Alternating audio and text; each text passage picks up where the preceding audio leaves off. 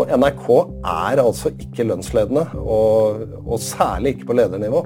Men det er jo ikke sånn at det går en magisk grense at alt under 999 999 er helt uproblematisk. Og er, hvis du akkurat bikker over, så er det liksom Altså, det tallet du nå er en ren konsekvens av et lønnsoppgjør. At noen bikker over. It's a disgrace. And I think they ought to apologize to start with. Dominere mediebildet. A failing media. Pile of garbage. False and fake, fake, fake, fake, fake, fake. Han leder landets største mediebedrift og er i tett konkurranse med globale giganter og kjemper om folk sin tid. Men han fighter også med selskaper som bruker milliarder per episode. Hvordan skal han vinne den krigen? Velkommen til studio, Tor Gjermund Eriksen, kringkastingssjef i NRK. Tusen takk. Amedia. Vår journalistikk og våre annonser når 2,3 millioner nordmenn hver dag over hele landet. av media. Sikre deg tilgang på det beste innholdet fra mediebransjen. Bli plusskunde i Medie24. Nå er det én krone for én måned uten binding. Vi ses på medie24.no. Hvordan skal vi egentlig beskrive 2020? Nei, det er ikke nesten mulig. Dette året var ikke mulig å forestille seg. Eh, men jeg, de siste årene så har jeg snakka veldig mye om endringer, og at vi ikke liksom vet helt hva som skjer om ett og to og tre år, om hvordan markedet er, eller teknologien har, har endra seg. Og Det har gjort at en del av bedriftene, bl.a. NRK, har forberedt seg på at det skjer, kommer til å skje endringer og sjokk som vi ikke har kunnet forutse. Mm. Det har hjulpet oss nå i korona. For det kom noe som ingen hadde forutsett, forutsett bare en måned før nedstengningen. Eh, så har eh, Altså, koronapandemi korona og pandemi er ikke bra for noe. Men det er Det har ført til en større oppslutning rundt redaktørstyrte medier. For NRKs side så tror jeg det er stor forståelse for allmennkringkasterens oppdrag og oppgave. Uh, og så har det fått noen konsekvenser som vi ikke trodde. Først var det sjokk, nedstenging, uh, annonsemarkedet raste. Så har vi egentlig sett at mediebruken uh, økte, og at den digitale transformasjonen faktisk har skutt fart. Men egentlig sånn summa summarum så tenker jeg at norsk mediebransje kan være ganske stolte av 2020. Vi har gjort jobben vår. Ble det bedre enn du frykta? Ikke sant? Det er jo ikke Jeg ble spurt har korona vært bra eller dårlig for NRK. Og så sier jeg at jeg, det eneste riktige svaret er vel at pandemi ikke er bra for noen, egentlig. Men i forhold til der vi eh, altså Da Norge stengte ned 12.3, så tror jeg ikke vi trodde at det skulle vare så lenge. Og så når vi gikk utover i april og mai, så skjønte vi at dette kunne vare en stund det tidspunktet var lavpunktet i dette. For da eh, gikk næringer ned, eh, eh, reklamemarkedet eh, for de kommersielle. Alt gikk ned. Og vi var kjempebekymra. Og så gikk det bedre enn vi trodde da i april-mai. Forrige uke så hadde jeg gleden av å høre på Medietilsynets eh, seminar eh, om økonomi i, norsk mediebransje og konsekvensen av korona. og Der satt jo Siv Tveitnes og Anders Oppdal og flere da, og sa at dette har jo gått bedre enn vi frykta. Det er vel særlig ett medium, eller, eh, og det er lokalradioene, som jeg ser, eh, som jeg syns litt synd på nå. fordi de har nok ikke klart og har ikke den muligheten til å endre forretningsmodell som en del andre. Men det er greit å ha 5,7 milliarder fra staten eh, i, når alt ja. sammen ramler ned? Ja. Men det er jo derfor vi er til. Mm. Eh, fordi vi skal kunne gjøre det og utføre det oppdraget litt uavhengig av konjunkturer, men avhengig av at eh, samfunnet trenger det. Eh, og så er det en glede for meg òg, det mener jeg virkelig, at, uh, at andre norske medier med et samfunnsoppdrag i Norge eh, har klart seg og ikke minst gjort jobben. Har høy tillit. NRK har ekstremt høy tillit, men de andre norske redaktørstyrte mediene har svært høy tillit i forhold til hva vi ser i andre land. Mm. Og så er det selvsagt noen da som er blitt ramma skikkelig, altså type Discovery og, og Nent og sånn. De hadde jo følgende strategi, og det var å satse på idrett, sport. Og ikke ha nyheter og aktualitet. Og det er en dårlig strategi for korona. Da trenger folk nyheter, og sporten skjer ikke. Og mista litt bettingpenger også fra, fra nyåret, mest sannsynlig. Så der blir det også en dobbel utfordring. Ja, ikke sant? Vi må jo oppi alt dette også tenke at fy søren så heldige vi er som bor i Norge. Mm. Uh, det, det uh, går bedre her. Uh, situasjonen er dramatisk i andre land, og den er dramatisk for mange i denne byen vi sitter i. Reiseliv og, og restauranter og mange. men men vi er veldig heldige som bor i Norge, der eh, på en måte livet går videre på, på et vis. Og vi opprettholder både liksom, jobbene i stor grad og, og, businessen. Folk sitter jo hjemme og ser dette nå eh, i romjula. Og Derfor så tenkte jeg skulle spørre et litt, sånn, litt mer personlig spørsmål. Hvordan har det vært for deg som toppleder å håndtere korona? Jeg vil si at det har gått litt i faser. Eh, jeg har vært kringkastersjef ganske mange år nå.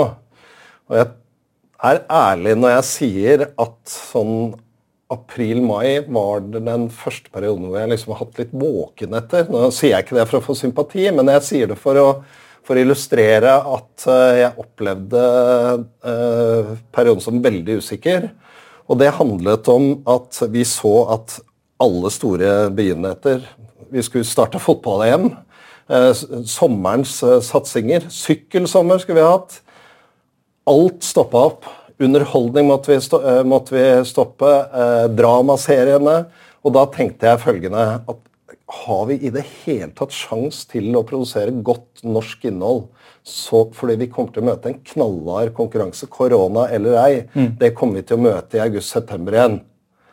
Uh, og hvis vi ikke har kvali kvalitativt godt norsk innhold da, så kommer kanskje NRKs uh, posisjon til å bli svekka. Og den er jeg søren ikke sikker på at vi kan vinne igjen. Mm.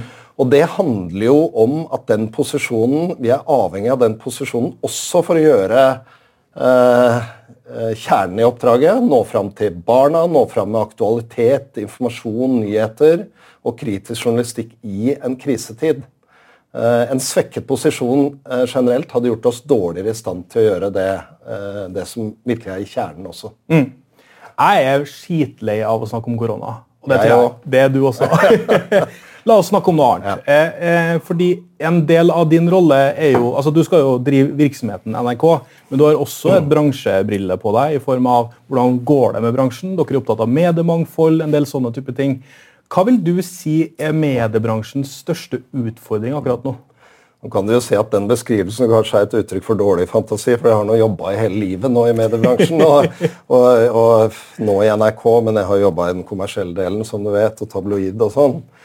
Nei, altså den, den største uh, utfordringen er å bygge uh, varige forretningsmodeller for, uh, for, på digitale plattformer for, å bevare den publisistiske uavhengigheten, ikke bli avhengig av tredjeparter. For det handler både om journalistikken, men det handler også om å utvikle finansieringsmodeller av den journalistikken. Eh, for NRK så eh, handler det om å møte konkurranse fra andre som har uendelige ressurser, og klare å øke kvaliteten tilstrekkelig til at folk eh, syns at det norske innholdet er attraktivt. Ja, for du jobber jo, altså En ting er jo på en måte konkurransen eh, nasjonalt, men du jobber jo egentlig i en konkurranse om folk sin tid. Ja, men det er det vi gjør. Hvor mye tid bruker du på Netflix, hvor mye tid ja. bruker du på HBO, hvor mye tid bruker du på NRK? Ja. Hvordan, hvordan, jobber man som toppleder når det er liksom tid som er forretningsområdet du største utfordringa med? Nei, man, man, jobber jo hele tiden med å utvikle strategien på overordna nivå. Og noe av det viktigste for, eh, for NRK har jo vært å, å, bli raskere og mer fleksibel. Jeg hadde nok en tendens eh, tidligere til å ha disponert hver krone når 1.1 kom. Og hvis ting skjedde, en idé, en mulighet, et behov oppsto, så hadde man lange prosesser. NRK måtte bli litt mindre. Vi er blitt mindre, sånn at vi hele tiden kan snu oss raskere. Uh, og så er det å prioritere, være veldig tydelig på prioriteringene. Og det handler jo om at det hjelper jo heller ikke i dag å ha godt norsk innhold hvis du ikke klarer å servere det til publikum på en måte. Altså Vi kan ha verdens beste barneinnhold, men hvis vi fortsatt sender det på lineær TV, så har det ikke noe betydning. For barna kommer ikke til å bruke det. Det å ha attraktive uh, strømmetjenester å servere innhold i. Det å ha mer valgbar lyd i tillegg til uh, radio, lineært radio. Det å ha innhold som både går på de nye plattformene og, det, og lineært, lineære plattformene, utrolig viktig. Og så er det rett og slett at det unike innholdet, de unike historiene på norsk, må møte folks forventninger om kvalitet. Nå har det vært, eh, Jeg har, har mora meg litt over det òg, må jeg innrømme, den diskusjonen om Atlantic Crossing. Ja. For Noe av hensikten vår med historisk drama er nettopp å få opp en debatt om hva skjedde i historien. Der har man i hvert fall lykkes. Men der blir man jo anklaga for historieforfalskning. Ja da, men det, det, går ikke, og det går ikke an. og Diskusjonen er fin, og vi har, vi har lagt til rette for den diskusjonen på egne plattformer. Men poenget mitt med å ta det opp her Du har akkurat samme diskusjonen om, om uh, The Crown. Ja. Uh, og Poenget mitt med å nevne det her er at Atlantic Crossing, hele serien, koster omtrent det samme som litt mindre enn én episode i The Crown. Altså, vi møter innhold som koster ti ganger så mye og sånn. og, og, og, da kan det ikke være sånn at NRK bare skal bruke mer penger hele tiden. Uh, vi har en vekst i våre inntekter som er lavere enn de, de kommersielle og det globale. Men vi må finne måten å øke kvaliteten på, og det er å finne de historiene som folk i Norge kjenner seg igjen i være tett på publikum. Så jeg tror også at vi kommer til å ha mer live-innhold i årene som uh, kommer. Tett på, tett på opplevelsene, tett på debatten, tett på kulturen. Tett på mangfoldet i Norge. Mm. Det tror jeg kan være vår uh, styrke. En ting, Nå snakker vi eh, litt sånn indirekte om det, men du snakka om Atlantic Crossing. Eh, en ting som har kommet ut av det, er jo harde kan du si, mm. påstander, nesten litt sånn angrep, hvis jeg skal være litt tabloid. Eh, og Det bringer meg til det neste temaet som jeg synes kan være interessant å diskutere med deg om. Det er ordskiftet i Norge. Mm. Eh, fordi Er det én ting som er liksom helt åpenbart eh, for, for, oss som følger nyhetsbildet veldig tett, så er det at ordskiftet har hardna til. Eh, vi har aldri vært så polarisert som vi er akkurat nå, sånn som, sånn som vi opplever det. Hvordan vil du karakterisere ordskiftet i Norge nå? Er du bekymra? Jeg er ikke så veldig bekymra. Og så tenker jeg at det, det bildet av polarisert eh, debatt må, må, nyanseres litt. Fordi eh, hvis vi forstår polarisering på følgende måte at liksom alle går til den ene eller andre enden, og det ikke er noen igjen i midten For eksempel, hvis vi bruker klimaspørsmålet. da, mm så er det ikke polarisering vi opplever i Norge. Fordi at de aller fleste har et, har et standpunkt i midten. De, de, har forståelse for det. Men så er det noen grupper som går ut til endene og preger ordskiftet i mye større grad enn de egentlig fortjener. i forhold til hvor mange de er. Hvilket ansvar har vi som publisister i, i det? da? Et veldig stort ansvar. Um, og det ansvaret går på flere måter. For det første så må vi være sannhetssøkende og faktabasert og sånn. Men vi har også et ansvar å uh, få fram mangfoldige i synspunkter. En... Kan, jeg, kan, jeg, ta en annen, en annen kontroversiell ting? NRK NRK Fredrik Solvang i, i uh, debatten hadde Siam her i våres. Og det ble en ganske stor debatt, og veldig mange mener at nei, de burde aldri blitt sluppet til. Selvsagt skal ikke en sånn gruppe slippe til hele tiden, men det er utrolig viktig at vi ikke går i retning av å eh, sortere mellom meninger som ikke skal ha oppmerksomhet. Altså en sånn type non-platforming. Vi må ha debatt, og så må vi være i vår journalistikk faktabasert, men vi må også vise mangfoldet. Og så er det jo natur i journalistikken at vi er tabloid. Vi søker kanskje det mest kan du si, ekstreme, de, de vinklingene ja. som er mest polarisert, som jo passer med ytterpunktene i politikken også. Eh, bør ja. vi holde tunga rett i munnen? Altså, er, ja. Kan vi gjøre noe annerledes i 2021 enn hva vi har gjort i 2020? Um, ja, altså det håper jeg da virkelig, for jeg håper ikke at 2021 blir så preget av korona. Men, men hvis, du, hvis, du, ser på koronadebatten, da, så syns jeg jo Norge kanskje er et av de landene, og vi skal ikke mer enn til nabolandene, for å se at vi, vi har klart å ha litt debatt om det. NRK som møtte kritikk her i våres for å slippe til den ene og den andre. Og, og, Legeepisoden, ja, alle husker den? Ja. Det I etterkant mener jeg det. Jeg, fors jeg, forsvarte det den gangen, men jeg forsvarer det nå også. For det har bredda ut debatten. Det har gjort at det er lov å stille spørsmål. Det er lov å også være kritiske til både myndigheter og til FHI og Helsedirektoratet og Bent Høie. Og jeg er helt overbevist om at regjeringen, Helsedirektoratet, FHI tjener på det. Får høyere tillit ved at det legges til rette for at deres beslutninger blir debattert. Ja, for Vi ble jo litt mikrofonstativ i starten i mars, der, hvor at eh, vi skal håndtere en global pandemi og vi skal drive med informasjon og den type ting, eller er du uenig i det? Eh, jeg tror at i første fase eh, så er det én ting som teller, og det er å få ut eh, informasjon. Og De første ukene der var, var nok kanskje Men jeg syns ikke at mikrofonstativbegrepet passer så veldig godt. For det var en krisesituasjon. Og selv om vi snakker om at vi har hatt økt smitte nå i høst, så var det jo mye mer dramatisk i april og, og mai. For at når man da øh, påviste kanskje 500-600 smitta i døgnet, så var det kanskje bare en tiendedel. Nå er tallene lavere. akkurat da, Men det gikk ikke så lang tid før vi klarte å få opp en mer ja, eh, mangfoldig debatt, eh, kritisk debatt. Og jeg syns også at de norske myndighetene har eh, etter hvert eh, tenkt at det er lurt at vi viser også at det er faglig eh, diskusjon innenfor både politikken og eh, embetsverket. Mm. Jeg tenker at det er veldig få av oss som gjør ting fordi Espen Nakstad sier at vi skal gjøre det, eller Camilla Stoltenberg eller Bent Høie, men vi gjør som de sier hvis vi føler at vi har fått nok informasjon til å liksom ta stilling til at jo, det er ganske fornuftig det de sier. Mm. Så, så, det har vært viktig, og det er en viktig del av NRKs oppdrag. Og i den, eh, den grad vi kan ta med det videre, så skal vi bli bedre på det. Det andre elementet som jeg mener både vi og veldig mange andre medier har blitt bedre på, det er publikumsdialog. Mm. Uh, ja, for Det har jo vært en stor utvikling i bransjen. Man chatter ja. med leserne hele tida, og man ja, får stille spørsmål. Og... Ja, og på TV-programmer, og de kan spørre, og ikke noe spørsmål er for dumt, og vi tar det opp. og Det, det er noe respekt i det.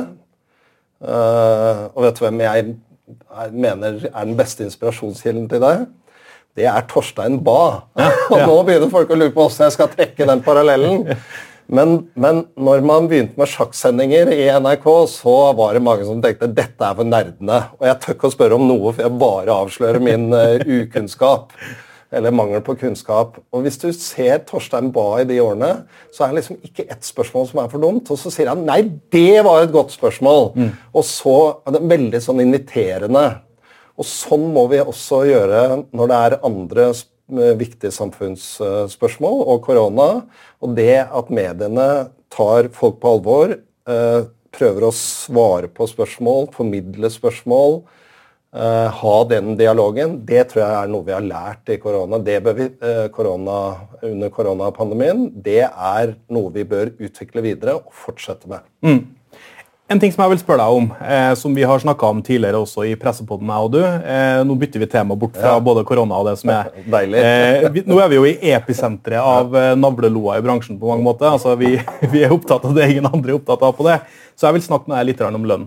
Mm. Eh, I oktober så kunne Medie24 melde at millionfesten fortsetter i NRK. Du er ikke sikkert helt enig i den eh, tittelen. Nå er det 99 personer som har millionlønn i selskapet ditt.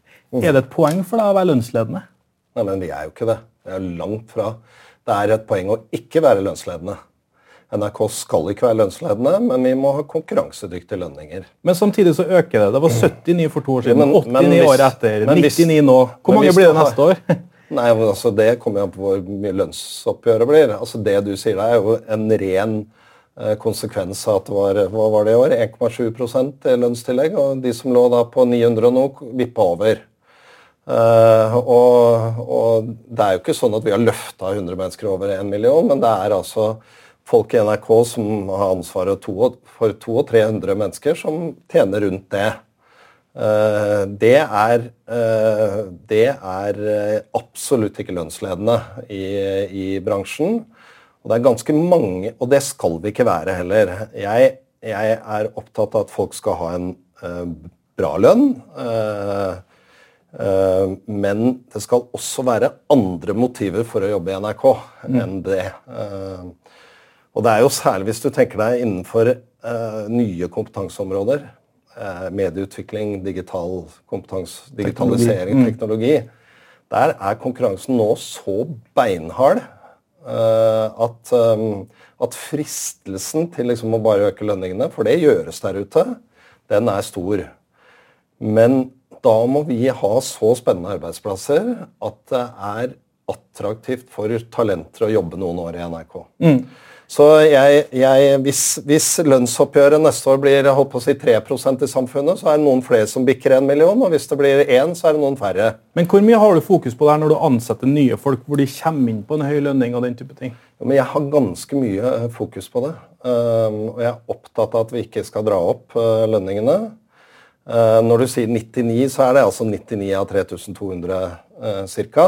En under Eh, under en tredjedel. Eh, dette er ledere. Eh, og heldigvis så er det sånn at i NRK så er det like mange kvinner og menn mm. blant, blant, dem. Samtidig så jeg vet jeg at du er opptatt av eh, legitimitet på Stortinget. Det skal du som kringkastingssjef også. Og så mm. sier Åslaug Sem-Jacobsen i Senterpartiet hun sier, eh, sitat, jeg setter spørsmålstegn med hvor nødvendig det er med konkurransedyktige lønninger på høyt nivå for å få gode ledere til NRK. Hva sier du til det? Ja, men Vi har lagt oss der jeg mener eh, altså Jeg er i og for seg enig med henne. Vi skal ikke være uh, lønnsledende, men vi, vi, må være konkurransedyktige. Og konkurransedyktige betyr attraktivt jobb i en institusjon med godt omdømme og lønn. Altså hele pakka skal være konkurransedyktig. Mm. Og NRK er altså ikke lønnsledende. Uh, og, og, særlig ikke på ledernivå. Mm. sånn at jeg men det er jo ikke sånn at det går en magisk grense at alt under 999 999 er helt uproblematisk. og så er, Hvis du akkurat bikker over, så er det liksom Men det er jo et signal på mange måter? Jo, men jeg kan jo ikke Det, altså det tallet du nå er en, er en ren konsekvens av et lønnsoppgjør. At noen bikker over. Amedia, vår journalistikk og våre annonser når 2,3 millioner nordmenn hver dag over hele landet av media. Sikre deg tilgang på det beste innholdet fra mediebransjen. Bli plusskunde i Medie24. Nå er det én krone for én måned uten binding. Vi ses på medie24.no. Men bare si det, da. NRK er jo en av de få institusjonene som har total åpenhet om lønningene. Mm. Så det er, et, det er, et, signal til de som sitter og ser hjemme der som er medieledere i VG eller Dagbladet eller Aftenposten. Vær mer åpen. Ja, altså, Poenget er at eh, det hadde jo vært kjempefint for meg om alle andre var åpne. Så kunne dere gjort sammenligninger. Helt enig. Det, det, det ville du gjerne gjort. Så. jeg er helt enig med deg. Men jeg vil ikke slippe deg helt på det her. fordi Nei. dere får jo kritikk fra de tillitsvalgte ved at dere betaler markedstilpassa lønn til ledere, men ikke til ansatte, sier NRK-lederen. Hva sier du til dem om det? At han tar feil. Det er ikke riktig. Fordi at um, jeg vil tro at vi omtrent er eh, Hvis du tenker sånn i forhold til markedslønn, så er vi omtrent på samme nivå på vanlige journalister som på ledere. Hvis det er noe, så vil jeg tro at vi er eh, At eh, vi ligger litt mer etter på ledere enn på vanlige medarbeidere. For det, det har med følgende faktum å gjøre. Og nå, nå er dette bare et faktum. Det er at NRK har jo samme lønnspolitikk og, og tariffavtale over hele landet. Mens hvis du ser på bransjen, så er det ganske stor geografisk forskjell. Så du varsler et lederlønnsløft? Nei, det var derfor jeg sa akkurat at eh, vi, vi, det er jeg glad for, men det er et faktum. Mm. Så, så, jeg mener at det er en, uh, ikke er en riktig framstilling at man liksom betaler Eh, og at man er liksom Tusenlappene går, og at man, at man er, eh, strekker seg mye mer for ledere mm. Eh, enn for vanlige medarbeidere. Samtidig så nå er det jo litt sånn rom for ettertanke. og sånn. Altså Nå har vi jo hatt et vanvittig vanskelig 2020. Det har vært krevende for veldig mange som har jobba og slitt i år. Og så i NRK, ikke minst. Har dere diskutert en for, for litt sånn julebonus i år? Noe som kommer som en uh, takk for hjelpa i et krevende periode? Nei, Vi har ikke diskutert, og jeg mener at det er jo flere måter å se det på. Eh, for det første så Jeg er utrolig stolt av den jobben som NRK-medarbeidere har gjort i 2020.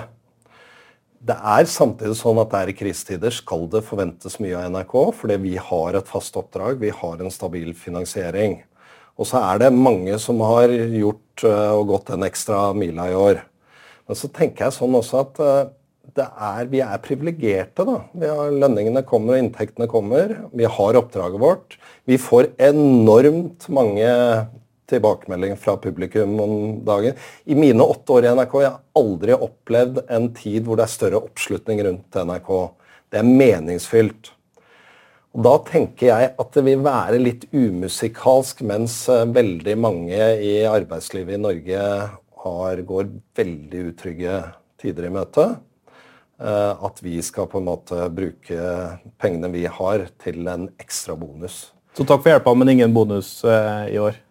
Folk får jo Men det gjelder jo, gjelder jo både ledere, ledere, og medarbeidere. Og, ja, Du får ikke noen bonus i år? Jeg har ikke noen bonusordning, og det har jeg aldri bedt om heller, for øvrig. Så, så jeg tenker at, eh, at, vi får eh, Vi er heldige som har en så viktig jobb. Eh, NRK er heldig som har et lojalt publikum, og vi er veldig heldige som har så kompetente, lojale medarbeidere. Mm. Da skal vi la lønna ligge. Ja. vi skal over til en annen eh, veldig viktig sak som jeg vet eh, du har jobba veldig mye med, og NRK jobber veldig mye med. Flytteprosessen. Mm. Altså, Situasjonen er den at NRK skal bort fra Marienlyst. Man skal finne nye, mer framtidsretta lokaler. er det man sier. Kan du si litt om hvordan ligger dere an i den prosessen? Det kan jeg si. Vi ligger godt an, vil jeg si. Det har, vi har jobba helt etter den planen vi la for ganske mange år siden. Eh, her for eh, åtte-ni måneder siden så inngikk vi en salgs- og kjøpsavtale med Ferd på hele området på Marienlyst. Eh, den avtalen gir oss trygg og god finansiering av et nytt hus. Den avtalen gjelder til 2032. Mm. Og skal reguleres verdimessig, men, men Eh, NRK kan, og Ferd er enige om at den kan iverksettes når som helst fra nå til 2032.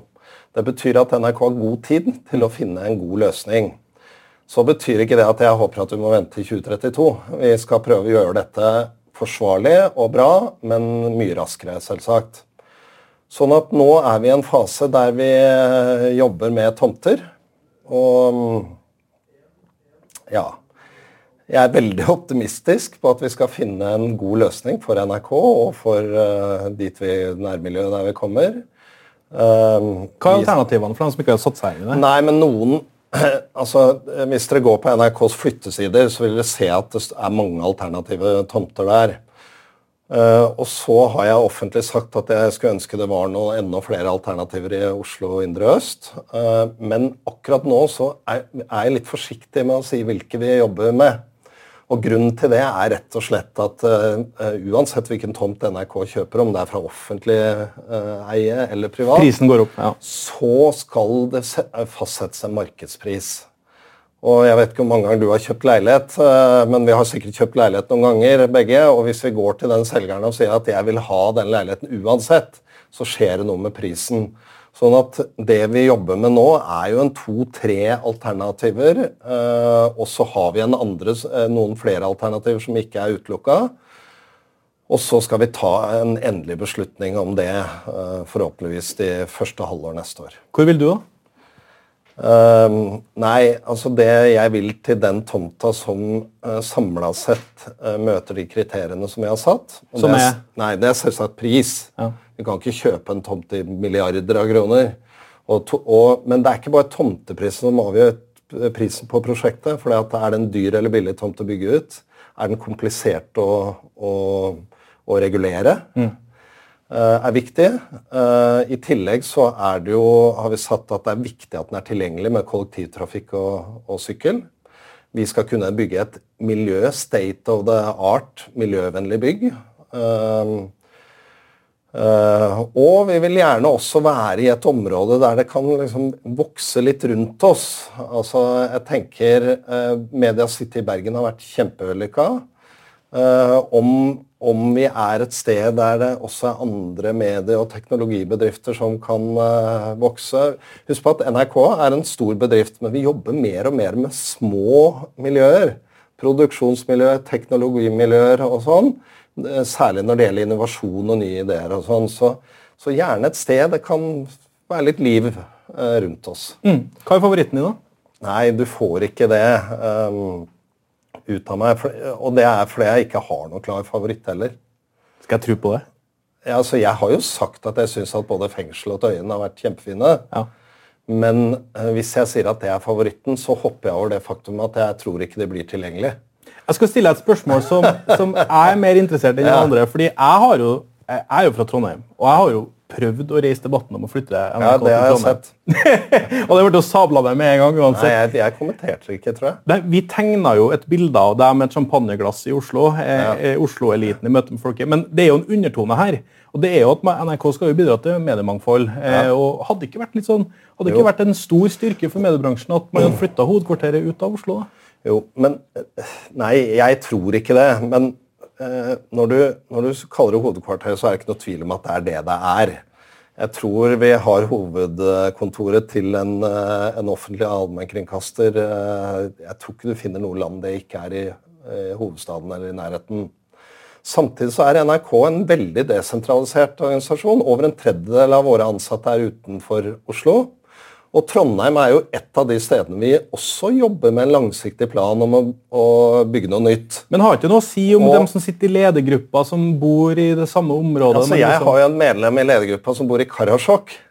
Uh, og det tror jeg Det har forresten uh, pandemien Hvis det er kommet noe godt ut av det, så er det jo en større forståelse uh, for at vi kan jobbe litt sammen, selv om vi ikke sitter på kontoret ved siden av hverandre.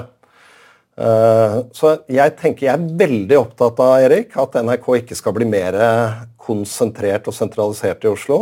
Derfor har vi nå etablerer vi et teknologimiljø i Bodø. Vi kommer til å passe på at vi har både ny kompetanse og produksjon. og eh, Tromsø, TV-miljøet i Tromsø har levert noen av de flotteste produksjonene i det siste året. Og det er flere. Ja, flere. Mm. Bergen og Stavanger. Det må NRK opprettholde. For NRK er det helt avgjørende å være til stede og drive produksjon. Men jeg tenker at vi skal ha et hovedkontor i, i Oslo-området. Mm. Men uh, NRK skal ha minst en tredjedel av våre ansatte rundt om i landet. Vi, jeg har skjønt at toget begynner å gå fra meg for å få flytta det til Trondheim. Vi får se. Kanskje neste gang. vi er med på en morsomt og fint, spennende prosjekt sammen med samme NTNU og NTNU ja, det stemmer. Vi, vi, vi, vi, lar den ligge der. Vi skjønner at, eh, at ballen er død for vår del. Jeg trodde at trøndere egentlig ikke var så opptatt av å få ting til Trondheim, bare ting ikke kom til Bergen. Ja, vi, det, vi, vil gjerne ha det til Trondheim, men like før det er vedtatt, så krangler vi det bort. så sånn er det vi holder på. Men ok, La oss snakke litt om eh, konkurransen i Norge. Altså, en ting er jo på en måte de globale gigantene og kampen mot Netflix. og det som er på en måte der, Men hvis du ser til Norge eh, her, eh, Hvem er NRK sine konkurrenter? Du, du, startet med å si 'vinne krigen' og sånn. Det er ikke sånn jeg ser det. NRK skal ikke vinne noe krig. Vi skal sørge for at vi opprettholder en posisjon som er tilstrekkelig til at vi har høy tillit og godt omdømme. For det har sammenheng, nemlig. Hvis folk ikke bruker oss, så har de heller ikke tillit til oss. Eh, og eh, kan utføre det allmennkringkasteroppdraget. I det daglige så er det klart at, at uh, det er to, tre, fire nyhets, uh, viktige nyhetsaktører. Er, på nasjonalt plan så er det TV 2 og VG og NRK, men også Aftenposten og andre. altså DN på næringsliv. Og så er det ikke sånn at konkurransene er én til én, fordi at folk ønsker et mangfold. og Det har vi ikke minst sett nå i korona. Folk bruker alle medier litt mer nå. Mm.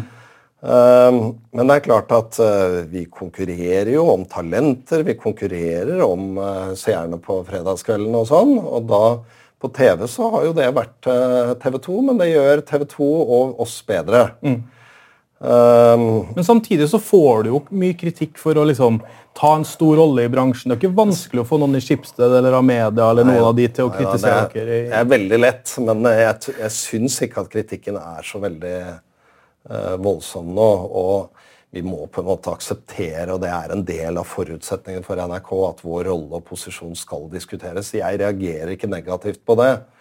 Men det er jo ikke sånn at uh, NRK, for å kunne utføre oppdraget, for å kunne være, bidra til det mediemangfoldet som vi gjør Veldig mange sjangere, veldig mye innhold. Det er, si, det er barn og distrikt og, og og, og, samisk og i det hele tatt norsk musikk har vi et oppdrag på. De tingene kan vi ikke gjøre uten at vi har en posisjon hos publikum. Uh, og så er jeg ganske trygg på at uh, hvis NRK på en måte hadde mista sin posisjon, så er det ikke sånn at politikerne kunne, kunne fordelt de markedsandelene til de andre norske, eller de norske uh, aktørene kunne fordelt de markedsandelene mellom seg. Derfor blir det litt sånn meningsløst å definere dette som et norsk marked. Men du får jo kritikk for å bruke mye tid på sosiale medier. altså at du har medarbeidere. Hvor mange er det som jobber med sosiale medier for å bygge opp de globale gigantene? som ja. du sa innledningsvis? Ja, nå er det jo sånn at vår eh, altså, eh, Hos oss så går det ikke helt an å si lenger hvor mange som jobber med TV, hvor mange som jobber med radio, mange som jobber med nett. Men du har mange vi, som jobber med sosiale vi, vi medier? Jobber, vi jobber med sjangere. ikke sant? Så Vi jobber med nyheter, vi jobber med barn. og og vi jobber med underholdning, og det, det er nå flermedielle redaksjoner overalt. La meg omformulere. Hvor viktig er sosiale medier for NRK? Eh, sosiale medier, eh, Hovedstrategien vår er at sosiale medier skal føre trafikk bedre, tilbake til våre plattformer. Hvis vi hadde satsa bare på tredjepart, og så plutselig mista styrkene våre egne nrk.no eller NRK TV-plattform, da tror jeg vi hadde saga bort den greina vi sitter på. Jeg har stor uh, forståelse, og jeg har ganske tett diskusjon med f.eks. Skipsted om disse tingene. Uh, og det er en avveining, men vi skal være litt tilbakeholdne. Og det skal være den strategien som jeg sier. Vi skal publisere noe der for å få tilbake til våre plattformer. Og så er det ett unntak, og det er at det er noen grupper som vi må bruke ja, Instagram, f.eks. Uh, TikTok. Man er jo på Snapchat og TikTok. Ja, og men ikke, ikke, sånn voldsomt nå. Og skal, vi skal ikke bygge opp det som plattformer der. Der har vi en dialog med, med, resten av bransjen. og Der tror jeg den norske bransjen må på en måte finne et minste felles multiplum.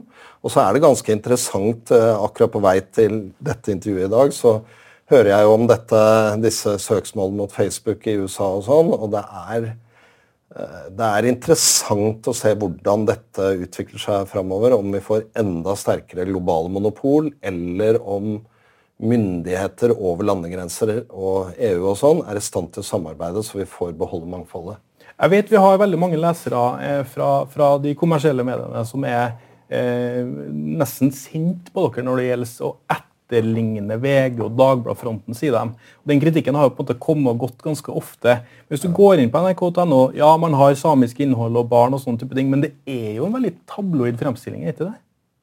Nei, altså, jeg, jeg mener jo virkelig at forskjellen mellom nrk.no og de andre er blitt større de siste årene. Ja, har det? Ja, det mener jeg, og det måler vi. altså. På, leserne ser veldig forskjell på oss og, og de andre.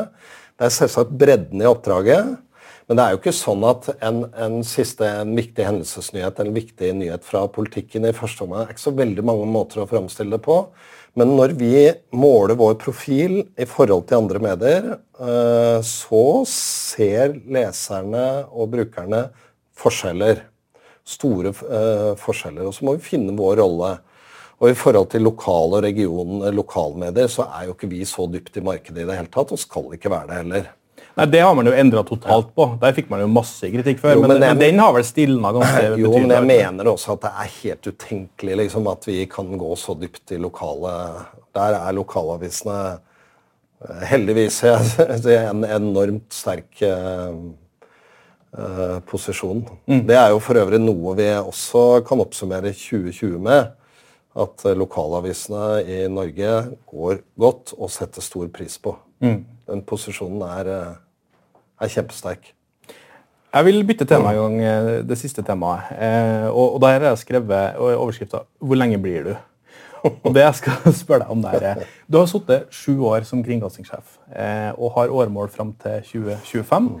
Når går du av? Nei, men Jeg har sittet i nesten åtte, vet du. Nå rett over nyttår. Nei, altså min kontrakt er fram til uh, februar uh, 2025. Så um, en gang før det. ja, For du kommer til å gå av før det året? Nei, det har jeg ikke tenkt over. Vet du hva? Helt ærlig så Jeg har verdens kuleste jobb. og jeg liker å være i mediebransjen. og har ingen planer om, om det. Min, min, jeg er ansatt i andre åremål, og det går jeg inn i er snart i midten av. da. Mm. Eller om et år er jeg det. det er du blir snart. jo en av de lengstsittende kringkastingssjefene dersom du blir sittende hele perioden? Ja, Da er det vel bare én eller to som har sittet lenger. Men nå er det ikke noe sånn veldig viktig for meg å vinne en sånn konkurranse. Men, eh, men jeg har allerede sittet lenge, og jeg elsker jobben. Men hva gjør du etterpå? da? Altså, du, det, sånn som jeg har sett det da, Går du til en veldedig organisasjon, går du til Skipsted, eller går du til politikken? eller så, hva, hva, Du har jo vel begynt å tenke de tankene nå? Nei, men det er jo ikke sikkert sånn at når du sier 'går du til', så er det ikke sikkert at det, at det er sånn at jeg bare kan gå et sted. Det, man skal gjøre seg fortjent til det. Um, nei, altså jeg er 54 år nå og er har, har, nok lyst på en jobb til. Men nå er jeg i NRK, trives kjempegodt med det.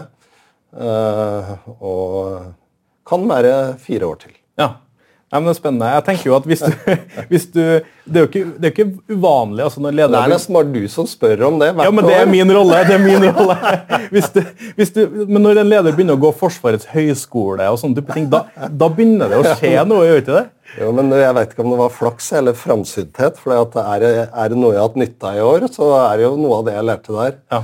Eh, blant annet så vet vi jo altså I går kom det jo fram om at det var russiske Norske myndigheter mener at det er russiske hackere som har gått på eh, Stortinget og andre og andre norske institusjoner. Og, og de hemmelige tjenester har jo offentlig mange ganger nå uh, ja, fortalt om sine vurderinger av økt risiko. Det er et del av det bildet. Det lærte jeg ganske mye om. Mm. økt risiko, Så det var, det var, veldig nyttig. Og så var det bare å beklage at det ble, det ble jo avbrutt. da. Ja. Det ble ikke så lenge som jeg hadde håpa på. Men er det du som fører NRK inn i det nye bygget, eller er du ferdig for den tid? Nei, Det vet jeg ikke. Jeg skal jobbe til jeg jobber, og så får vi, får vi se. Men det skal ikke være det førende. Eh, vi skal finne den, det beste alternativet totalt sett. Og jeg skal love at eh, nei vi, vi, må på et jorde et eller annet sted, for da går det fort. Det skal jeg love ikke er tilfellet. Vi mm. skal mm. finne den beste løsningen, uavhengig av om jeg skal gjennomføre det. Siste spørsmål, eh, Tor Nå har vi lagt bak oss et, eller holdt på å legge bak oss et 2020. Annos horribilis, vil noen vil omtale det sånn. Hvis vi sitter her i desember neste år, uavhengig om du er kringkastingssjef eller ikke, og jeg stiller, deg spørsmål... altså. og jeg stiller deg spørsmålet hvordan vil du oppsummere 2021, hva, hva håper du nå at du sitter igjen med? Jeg håper jo at eh, vi kan si at eh, koronasituasjonen er avsluttet. Folk er vaksinert, og konsekvensene av korona ble mindre enn vi frykta. I, på, I norsk næringsliv generelt, og arbeidsliv og samfunnsliv. Ikke minst innenfor kultur. Det håper jeg. Og så er jeg ganske sikker på at vi kommer til å sitte her om et år og si at de digitale trendene over mot uh, uh, ja, uh, strømming både på lyd og bilde Den digitale utviklingen har gått enda raskere. Vi har fått enda flere aktører, globale aktører inn i det norske markedet. Men de norske aktørene har klart å beholde posisjonen i rimelig grad. Mm. Men hvis noen tror nå at, uh, at, korona endrer de der trendene i veldig stor grad, så tror jeg de tar feil. De raske endringene vi er inne i nå, digitalisering, globalisering, de skyter ny fart pga. korona. Jeg håper i hvert fall at dere lykkes også i 2021. Tusen takk for at du stilte opp her, og takk for praten, Tor Eimund Eriksen.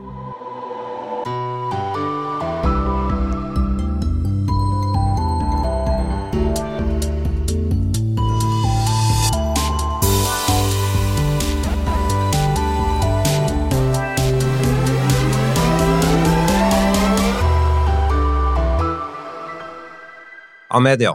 Vår journalistikk og våre annonser når 2,3 millioner nordmenn hver dag over hele landet. av media. Sikre deg tilgang på det beste innholdet fra mediebransjen. Bli plusskunde i Medie24. Nå er det én krone for én måned uten binding. Vi ses på medie24.no.